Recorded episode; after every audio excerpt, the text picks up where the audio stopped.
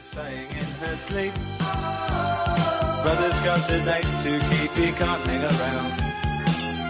Our house in the middle of our street. Our house in the middle of our, our house, it has a. Det har på senaste tiden varit flera program här på Tyresöradion som har handlat om detaljplanen för Apelvägen. Flera politiker har fått komma till tals och berätta hur de resonerar. Men idag så ska vi träffa en kommuninvånare som ska berätta hur hon ser på saken.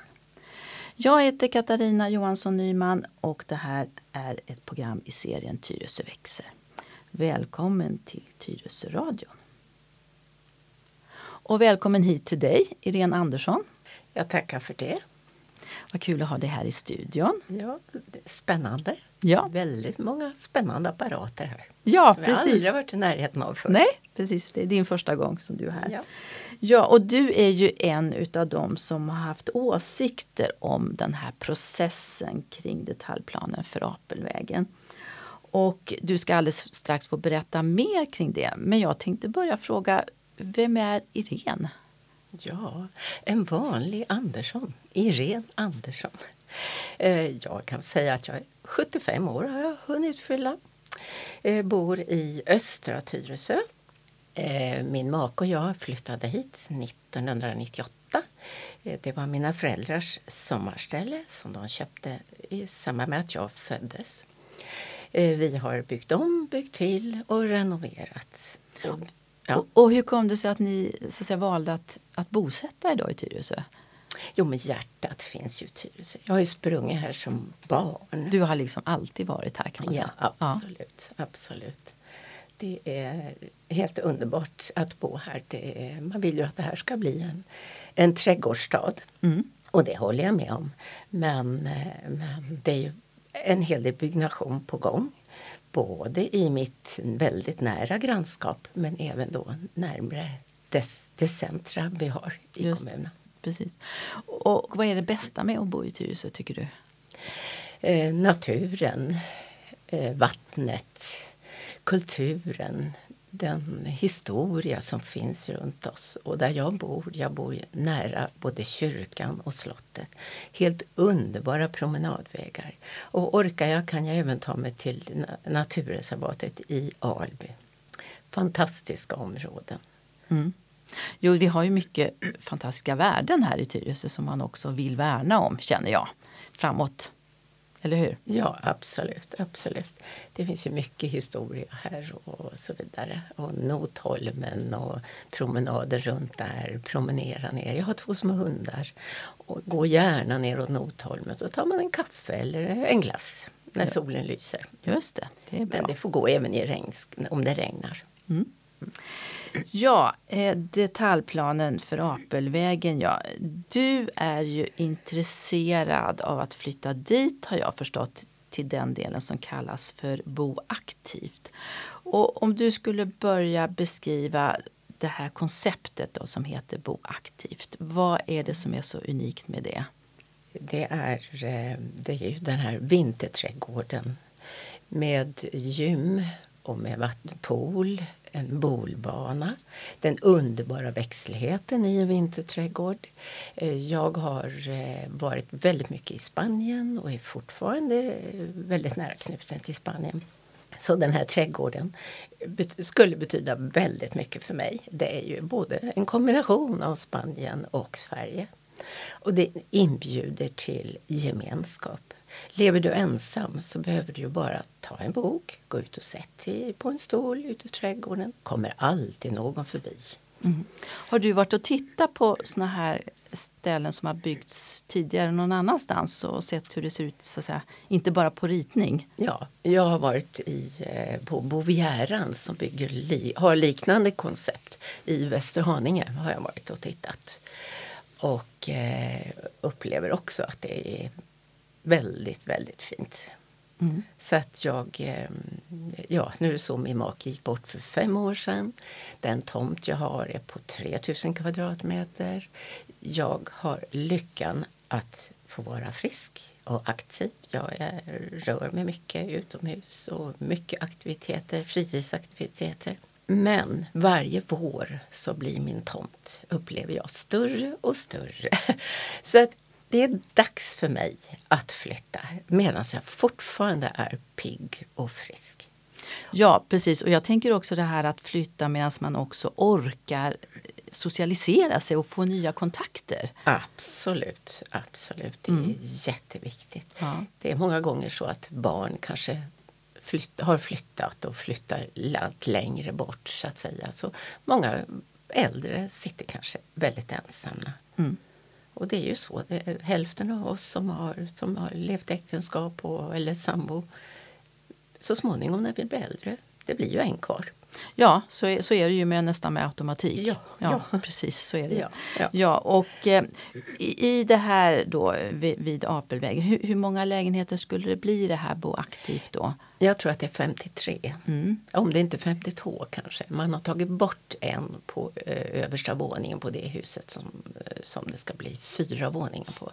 Där har man dragit ner och, och sen har man då skjutit in den översta våningen för att huset ska upplevas som lägre. Just det. Och lägenhetsstorlekar? Vet du någonting om det? Ja, allt ifrån 65, 79 och sen är det nog, finns det två storlekar till. Vad jag, jag kan inte exakt Nej, men, men från, från typ, är det, är det, Ja. finns det både ettor och tvåor och treor? Nej, eller? de är tre år. De kallas för, för två år, de minsta. Men det finns ett litet rum där också. Så att i princip är det tre rum och kök. Mm. Har du betalat någon bokningsavgift nu då? För, att, för du har ställt dig i kö, är det så? Eller? Nej, jag har haft förmånen att kunna boka en lägenhet då, och lagt en slant för det. Mm. Är det så att jag drar mig ur, då får jag tillbaka mina pengar. Man har talat om att det har sålts lägenheter men jag kan inte tänka man, att man i Wallenstam-delen har sålt några lägenheter. Och i Boaktivt har man inte sålt några lägenheter men man har fått förmånen att boka.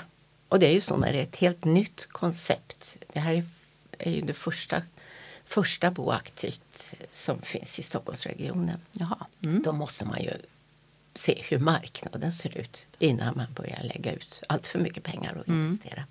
Och, och vet du, är det så att, att de flesta lägenheterna är förhandsbokade? Nej, cirka hälften tror jag är förhandsbokade. Det har väl också varit så nu då, eftersom laga kraft inte har, har uppnåtts i processen så har ju mäklare och ansvariga personer har ju inte kunnat gått ut med full kraft och, Nej, förstås. Mm. på marknaden. Ja. Så det. Var det också sagt någonting om när ni skulle kunna flytta in? Var det något datum eller år sagt? Eller? Ja, jag ska säga egentligen skulle vi väl redan ha, ha flyttat in har jag en känsla av. Så stod det nog i de första papperna. Men, eh, men nu vet vi inte riktigt vad som händer framöver. Nej, Nej och det, det kan man väl säga att oavsett, nu, nu blev det ju liksom särskilt olyckligt i det här fallet, men i alla Absolut. Detaljplaneprocesser så tar det ju väldigt lång tid. Får man ju liksom räkna med.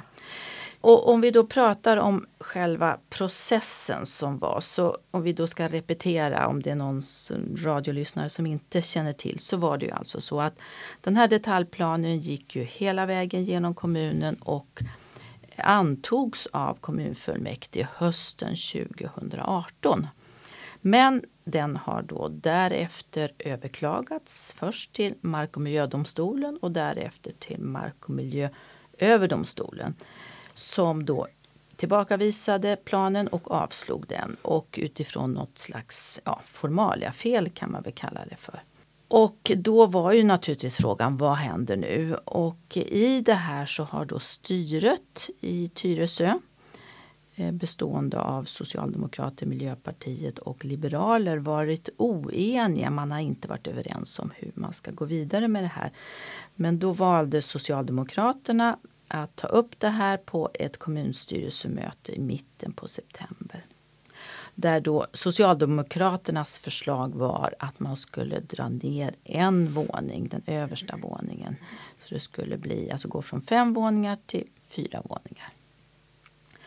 Och det förslaget lades då fram. Och det kommunstyrelsemötet var ju ganska så Eh, ja, det var väldigt mycket diskussioner har man ju förstått, åtminstone om man läser protokollet. Det var många partier som kom in med olika skrivelser och reserverade sig och det blev olika omröstningar och man ajournerade sig. Men till slut så gick alltså Socialdemokraternas förslag igenom med en röst. Och då i den slutliga omröstningen då så avstod då Miljöpartiet och Liberalerna från att rösta. Så att det förslag som ligger just nu på bordet är alltså att detaljplanen ska återigen så att säga tas upp då för beslut i fullmäktige men med den skillnaden att man har tagit, tagit bort en våning. Och det här ska då upp i fullmäktige i november. Och då är naturligtvis frågan hur man kommer att rösta. Ja, Irene, eh, när du hör allt den här, den här gången och de här diskussionerna, vad tänker du? Eh, ja, jag känner mig lite frustrerad ska jag säga. Jag tycker att, eh, men samtidigt får jag kanske berömma dem som har protesterat till det här. Det är tydligen otroligt skickliga personer. Och de som har klagat närmast, det är ju de, det är fem fastigheter som ligger, gränsar mot eh, Wallenstam plus den samfällighetsföreningen som finns i det området. Man har, vad jag har förstått, mycket skickliga jurister som ingår i föreningen samt att en politiker också bor eh, nära Wallenstam. Tidigare detaljplan från 2018 den gick ju igenom miljödomstolen. Sen när den kom till Miljööverdomstolen det känns ju nästan som att journalisterna och de som har klagat, de visste hur det här låg till, att det var ett formaliafel. Och där, ja, man, dessa som har klagat har, har eh, försökt skjuta det hela framåt för att man till slut kanske ska få ett nej. Jag ser det ju lite så att eh, ja, det är ofta så här i Sverige. Bygg, det är jättebra att kommunen bygger, men bygg inte nära mig. Det är det som kallas för NIMBY, Not in my backyard. Okay, ja. bygg, bygg, gärna, men inte hos mig. precis, precis. Mm. Eh, I den översiktsplan som togs fram 2017 av kommunen så benämner man Strandtorget som ett kommundelscentrum. Där är det lämpligt, det är lämpligt att utveckla om, omgivningarna där med tät bebyggelse, med flerbostadshus. Och vi har ju redan på Strandtorget tre och fyra våningshus. Så jag har svårt att förstå varför man på andra sidan Tyresövägen inte kan bygga fyra våningshus. Det har ju framförts några olika argument. Då. Eh, och ett argument är ju det här med Tyresövägen. Att att den har ju inte breddats och jag bor ju också där ute i, i den delen av Tyresö. Och jag kan ju vara förvånad över att, att det inte har breddats för länge sedan. Det känns ju som att det, det händer ingenting. Det tar väldigt lång tid. Och nya styret sa ju också att det skulle vara ett kollektivkörfält. Kan du förstå det argumentet? Nej, jag eh, tycker ju så att det kom, eh, Moderaterna har klagat väldigt mycket på att nej, vi kan inte bygga mer nu för att det må, vägen måste breddas. Eh, moderaterna förlorade makten i kommunen 2018, för två år sedan. Dessförinnan har Moderaterna haft makten i kommunen under 20 års tid. Varför är inte vägen färdig? Eh, om det nu är så att detta inte ska byggas då ska ju i så fall ingen expansion ske ute på Brevik. Ingen expansion. Stoppa då all, all expansion och rädda vägen. Jag har ännu inte sett att, att eh, vägen finns med på en kommunstyrelseagenda. Så jag vet inte vad som händer i det fördolda med vägen. Man har gjort förbättringar vid Petterboda. Men fortsättningen då? Jag trodde man skulle fortsätta att spränga bort bergen där och lägga, göra tre filer. Ja, Precis, och, och, jag tror att det är någon utredning som ska presenteras nu under hösten. Ja. Men, men, exakt Låter hur det bra. ligger till. Det, och sen, men sen ska det ju byggas också. Och, och, och, det tar ju tid, det har vi ju sett. Ja, man höll på nästan alldeles förskräckligt länge vid Petterboda. Eh, jag tänker det här med Moderaterna då. eh, och kanske även en del andra partier har ju så att säga svängt i den här frågan. Men är det inte bra då att man lyssnar på, på invånarna? Att, att, är inte det en del av den demokratiska processen? Jo, visst är det så. Men jag eh, känner ju att eh, det är de närboende och alla de som har sagt nej och tycker att det här passar in till slottsmiljön och så vidare och så vidare. Eh, men eh, precis som jag som ju väldigt gärna vill flytta till Boaktivt och tycker att det är ett väldigt fantastiskt fint koncept. Eh, vi har inte kommit till tals utan vi har tänkt att ja, men det här sköter väl tjänstemännen. De har gjort ett misstag, nu, nu fixar man till det här. Mm. Så att om jag säger de som har klagat har ju fått väldigt fått komma fram väldigt starkt. Allra helst i tidningen, om jag vet, mitt i Tyresö. Varenda vecka står det artiklar. Och en del är inte helt korrekta heller. Men, och där ser ni moderater, det var därför ni förlorade makten och så vidare. Jajamän, och det där ja, nu tror jag inte att det var därför Moderaterna förlorade makten. Det kan naturligtvis finnas många skäl till det. Det ja. det göra. Ja. Men du är inte ensam. Du har många med dig menar du som gärna vill ha igenom den här planen. Ja men absolut, Boaktivt är ju ett fantastiskt koncept. Och det här skulle vara, verkligen vara sätta Tyresö på kartan. Boaktivt eh, har ju tre byggen på gång på västkusten. Huvudkontoret för företaget ligger nere i, på västkusten. Och eh, det är långa intresseköer till dessa lägenheter. Så att det här skulle vara det första boendet uppe i Stockholmsregionen och skulle då sätta Tyresö på kartan, verkligen. Mm. Om nu det här inte går igenom då kan jag inte tänka mig att Boaktivt sitter och väntar utan man har säkert kontakter med övriga kommuner här. Och då känner man nästan att man, ja, man nästan skäms lite för, att, för Tyresö kommun. Men skulle du kunna vara beredd att flytta till till exempel till Haninge eller någon annan kommun bara för att du vill just bo i Boaktivt om, om det skulle byggas där tidigare?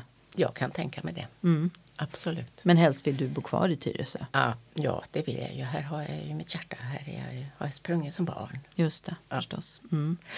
För om, om jag har uppfattat rätt så är det ju så att det finns ju ändå en majoritet för att man vill att just Bo aktivt ändå ska få bygga. Precis. Så behöver du vara orolig för att nu är det klart att det blir en fördröjning i processen men det känns väl ändå som ganska troligt att, att just åtminstone det här huset kommer att komma så småningom. Ja, hur det då går till om man då måste göra en ny detaljplan och börja om från början igen och så tar det ytterligare tid. Jag menar, vi hinner ju, ja, vi hinner ju dö, vi som Mm. står i kö. Just det, om det tar för Det lång tid. så, ja. det är så. Ja. Jag vill flytta medan jag är pigg och frisk. Sitter jag kvar i mitt hus, då blir jag förflyttad. Och då har jag ingenting att säga till om var jag vill bo. Precis. Och det är många med mig som sitter i villor och som gärna vill sälja. Det är dags för en ny generation. Det rullar barnvagnar ute på mina vägar. Och det är ju så det ska vara. Mm. Mina vänner de är av min generation. Många av dem har redan flyttat. Jag sitter som tanten på berget. Jag bor uppe på berget. Jag ser Erstaviken. Jag har baddräktsavstånd ner till badplatsen. Jag bor helt fantastiskt. Men jag behöver ett annat boende. Ja, det är dags för, för dig. Det är dags för mig. Det är dags för dig att flytta och det är dags för någon annan att få ta över Absolut, helt rätt. den här helt stora rätt. tomten. Ja. ja precis. Ja. Eh, Boaktivt är ju eh, närheten till naturen. Närheten också till Strandtorget med alla de fina utbud som finns där. Vi äldre som önskar flytta in på Boaktivt, vi läser mycket. Vi vill ju ha biblioteket nära. Och det hoppas vi får stanna kvar. Det ska inte centraliseras, biblioteken, som Sverigedemokraterna pratar om. Vi har vår lilla närbutik som ju har det mesta. Vi har bussen nära. Den dagen jag, vi inte kör bil då tar vi lilla Dramaten och åker ner till, tar oss ner till bussen. Och så kan vi ta oss både till centrum och till city. Bussen den går. Pendeltåg och tunnelbanor de går inte. När snön kommer och när löven kommer och elledningarna faller ner. Bussen är perfekt. Eh, och våra bilar ställer inte till några problem. Vi får garage under vårt bygge, under våra hus. Det får man ju även på Wallenstamssidan. Jag vill faktiskt tala lite om Wallenstamdelen också. Jag har tidigare inte varit, satt mig in så mycket i det, men jag har varit inne och tittat lite på det. Och det är punkthus bland annat som ska byggas och det är luftigt och fint. Det är gröna fina gårdar. Till de som nu bor närmast Wallenstambygget, de som har, är rädda att det kommer stora hus nära. Man har fått en grön korridor. Både Wallenstam och Boaktigt har gjort förändringar efter de önskemål som har kommit in. Moderaterna talar om att de vill man vill spara Wallenstamområdet till kommande generationer. Jag tycker att den här processen har gått så långt, kostat så mycket, stötts och blötts av både entreprenörer, politiker och tjänstemän. Och ska det fortsätta att stötas och blötas, det här hamnar ju på hyror och på prisnivån. Entreprenören skänker inga pengar. Det blir bara dyrare och dyrare. Man har ju planer på att bygga mellan eh, Maria Sofias väg och Tyresövägen. Där har man rivit en del fastigheter. Där vill man bygga 120 små lägenheter. Det är en förlängning på Strandtorget. Och sen vill man bygga borta vid Bäverbäcken också, 500 lägenheter. Det är inte alls fel att det byggs större hus i Wallenstamområdet om man tittar på, går in och tittar på kartorna i, på Tyresös hemsida så ser man hur mycket luft och fint det finns emellan husen. Och även där blir det inga parkeringsplatser utan det blir garage under byggnaderna. Så jag tycker det är helt fel att skjuta de här projekten och, och lägga dem åt sidan. Spara marken i så fall mellan Maria Sofias väg och Tyresövägen som inte har kommit så långt, som ännu inte har kostat så mycket. Alltså, jag kan ändå tänka att det som var ursprungliga förslaget, då fem våningar, mm. kändes ju ganska högt. Alltså om man ja. jämför precis som du sa mot på andra sidan vägen så är det ju tre och fyra. Så att ja. nu känns det väl ändå som att det har blivit kanske li, lite precis. mer mänskliga dimensioner. Precis. Precis. För det är ju ändå den här närheten till slottet som finns och den pratar man ju till exempel om i översiktsplanen att man ska tänka på det och inte bygga för stort. Ja, ja. Och jag vet att man pratar om eh, Kristdemokraterna pratar om att vi ska ha en trädgårds... Tyresö ska vara en trädgårdskommun. Ja, självklart ska det vara det. Men det är många som inte kan skaffa de här villorna som kostar 6 till 8, rent av ännu mera, ännu fler miljoner. Utan vi ska ju ha en, en variation i bygget naturligtvis. Och detta ligger då nära det här Wallenstam, både Wallenstam och Boaktivt ligger nära Strandtorget som är ett av de tre kommuncentra vi har i kommunen. Tyresö centrum, Alléplan och Strandtorget. Det är ju perfekt planering. Mm. Ja, det, då, som du säger, det finns mycket närservice där som är bra Absolut. tillgång om man är lite ja. äldre. Det enda som saknas är en vårdcentral och ett apotek. Kan man säga. Ja, ja. Men då har vi lätt att ta bussen. Ja, ja precis. Vi fixar det. Ja. Eh, jag tänkte vi ska prata lite grann om trygghet också. För du har ju varit utsatt för ett väldigt, en väldigt skrämmande upplevelse för inte så länge sedan. Eh, berätta. Ja. Eh, jag har två små dvärgpudlar. På 03.38 på morgonen den 18 september skäller min ena hund ja, hon brukar skälla ibland när det är konstigheter. När, jag vill att jag, när hon vill att jag ska ta fram bollen och leka med henne, då kan hon skälla. Hon skällde, jag satte mig upp i sängen och skulle bara försöka lugna henne.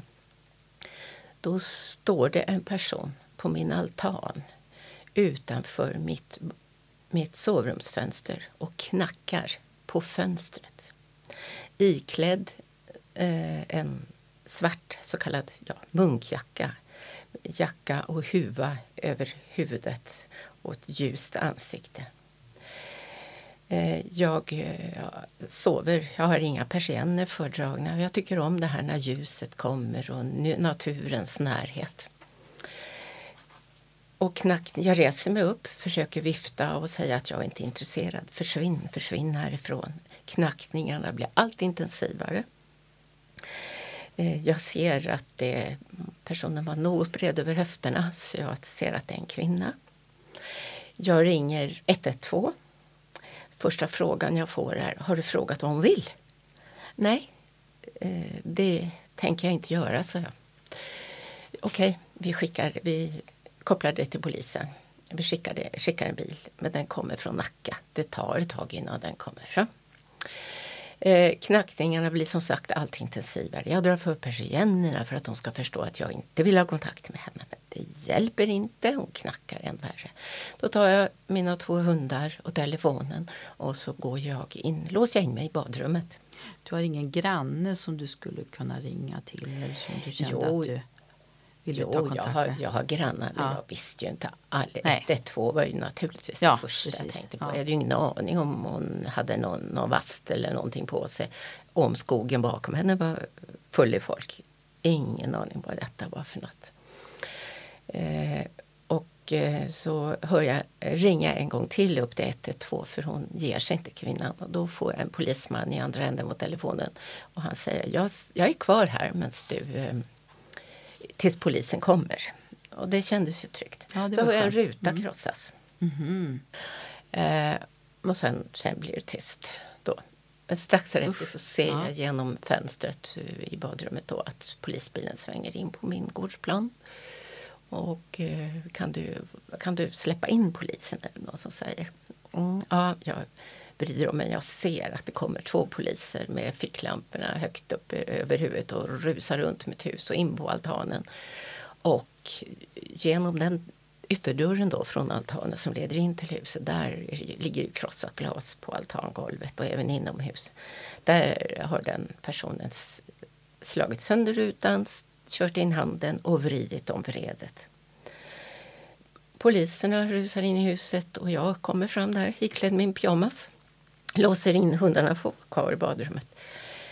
Där sitter en kvinna i min soffa inne i mitt vardagsrum.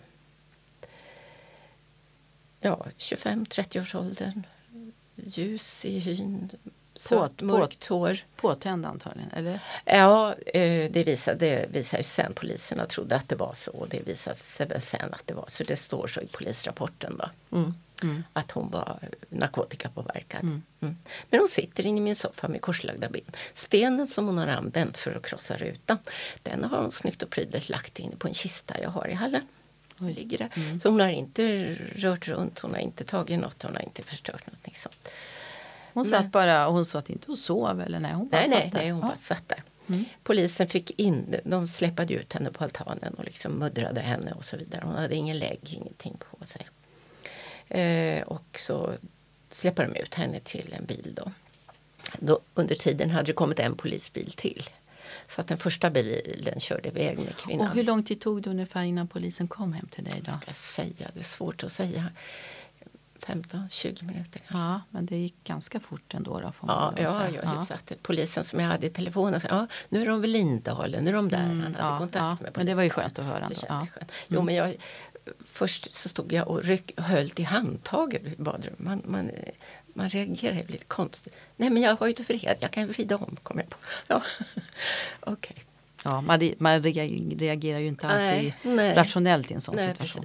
Och sen så kom den andra eh, det var två poliser i den andra bilen också. Den ena kom in till mig och, eh, och intervjuade mig då vad som hände och så Mm. vidare. Då. Men jag har inte tid med det så jag måste sopa upp glas, jag måste ta ut hundarna. Och så jag, men du är ju kvinna, du kan göra två saker. Så, ja, men det fixade sig. Ja. Mm. Eh, Och sen den andra polisen han gick runt huset och ner, genomsökte hela huset. Och så. Mm. Mm. Den rutan som hon har knackat på också, den har också fått repor. Så att nu väntar jag. Det kommer att ta ytterligare en och en halv eller två veckor innan jag har nya rutor i mitt hus. Och vet du vad som har hänt med den här kvinnan? Ja, jag ringde väl förra veckan för att jag hade... Jag visste inte att det var två rutor som var sönder. Det såg jag först när det blev dagsljus.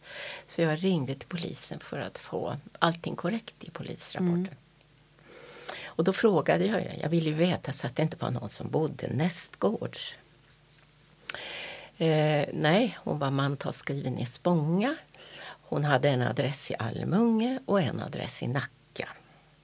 Eh, hon var känd sedan tidigare av polisen. Men de hade inte kunnat hålla något förhör med henne. Utan hon skulle, eh, skulle framöver bli kallad till förhör. Eh, och eh, det ska då göras en, en eh, utredning. Sen ska det lämnas till åklagare. Sen ska det gå till tingsrätten. Hon ligger inte överst i högen. Nej, så är det ju. Den här typen av, av mm, som polisen då, eller i alla fall åklagarna säkert tycker mindre förseelse, den, den prioriteras ju inte. Fast för dig var det ju oerhört skrämmande, tänker jag. Jo, men jag, jag känner mig egentligen, det här är första gången i livet jag är med om någonting sånt här. Jag känner mig egentligen väldigt frustrerad. Vi var ju Ja, eller rättare sagt, hon kom inte till polisen. Hon behövde någonstans att sova. Hon fick sova ett tag och sen fick hon kanske en kopp kaffe på morgonen. Sen, fick, sen öppnade man porten och släppte ut Mm, mm, ja. Hon fick kost och logi. Ja, Vem betalar det? Mm, jo, det är så det funkar. Ja. Men så här känner jag mig väldigt o, eh, frustrerad. Vi var fyra poliser och det var jag. Vi var fem vittnen. Hon blev ju tagen på bar gärning. Det borde finnas en jourdomare eller en jouråklagare. Sätt en stämpel på pappret. Skriv ner till vilket straff, alternativt vård, vad som gäller. Och lägg ärendet åt sidan. Ja, det, precis. Det kan man ju verkligen tycka att, att det är så uppenbart vad som har skett. Ja. Och man skulle kunna direkt egentligen avkunna Mm. beslut. Eh, ja, om det nu är mm, liksom, ja, böter kanske, hon kanske inte har några pengar. Men om det är en månads fängelse eller vad det nu skulle kunna vara. Ja, det kan man ju tycka. Ja, Ja. precis, för det här kallas för hemfridsbrott. Var det så? För, för det var inte så att hon, hade, hon stal ingenting? Eller Nej, så? nej, hemfridsbrott är det. Mm, mm, ja. Men det bedömdes som ett, det stod ett grovt brott. Stod det ändå. Men nog så skrämmande. Men du, om, om vi då pratar om Tyresö-politiken. Vad tänker du att man skulle kunna göra här i Tyresö för att öka tryggheten? Ja, vi har ju ganska god samverkan. Det här du frågar om grannar, visst, det finns grannar och grannarna kom. Jag la ut det här på en Facebook-sida i en Facebookgrupp i närområdet dagen efter. Eh, och då kom ju grannar rusandes. Åh, du skulle ha ringt till oss, du skulle ha ringt till oss. Men jag hade 112, jag hade polisen i telefonen och det var det som var det viktiga för mig naturligtvis. Eh, vi har en god grannsamverkan, det, det har vi. Men man tror ju inte att sånt här ska hända där ute. Jag bor ju i princip ute i skogen. Jag tänker att, nu vet inte jag exakt var du bor, men Nej, nej. För, för den här människan att bara ta sig dit ut. Ja, man, man ja. kan ju undra vad gjorde hon där? Hur hamnade hon där? Ja. Mm. Väldigt, väldigt många frågor man har naturligtvis. Det- eh, Det här med politikerna pratar ju gärna om eh, man pratar om förbättrad belysning, man pratar om kommunala ordningsvakter, man pratar om kameraövervakning. Eh, Ingenting av det här hade ju hjälpt dig men skulle det kunna hjälpa dig att känna dig tryggare i andra sammanhang till exempel? Nu vet inte jag om du är ute på kvällar eller så men vad Nej. tänker du? Ja, jo visst, men eh, det är ju ett stort komplext, komplex bit det här. Det är ju eh, arbeta långsiktigt, barn, ungdomar, föräldraansvar, veta vad man har koll på sina barn och så vidare. Det läggs väldigt mycket på skolan, att skolan ska ha ansvar. Men det första måste ju absolut vara föräldraansvaret. Om det nu finns några föräldrar naturligtvis. Men eh, ja, visst, belysning och kameror och så vidare. Men också att, att brott klaras upp. Att brott klaras upp är, känns viktigt för, för invånarna. Mm. Att man ser att det händer något när man kontaktar polisen och behöver hjälp. Just det, och att, Det är att det man känner att, Ja. att det inte händer någonting. Men det är ju inte, kanske inte bara att problemet ligger hos polisen utan det ligger hela den juridiska kedjan. Ja, precis. Man pratar ju om det, om den här rättskedjan. Och nu ska ju även åklagarmyndigheten få extra pengar har Ska man få ju sagt nu. till. Ja, Det gäller att de kan förvalta det då. precis. Ja. Ja, nej, så det här är ju komplext. Då kanske vi ska avsluta, för jag ser att tiden går här. Då vill jag tacka dig så mycket, Irene Andersson, för att du ville komma hit. Ja, jag tackar så hjärtligt och jag hoppas att politikerna inte vänder kappan efter vinden. Att man står vid sitt ord.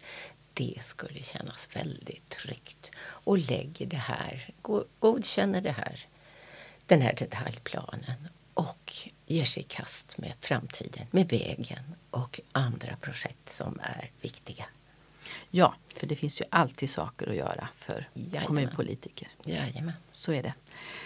Då vill jag säga tack så mycket och jag heter Katarina Johansson Nyman och det här är ett program i programserien Tyresö växer. Ah, brother's got a date to keep, you can't hang around.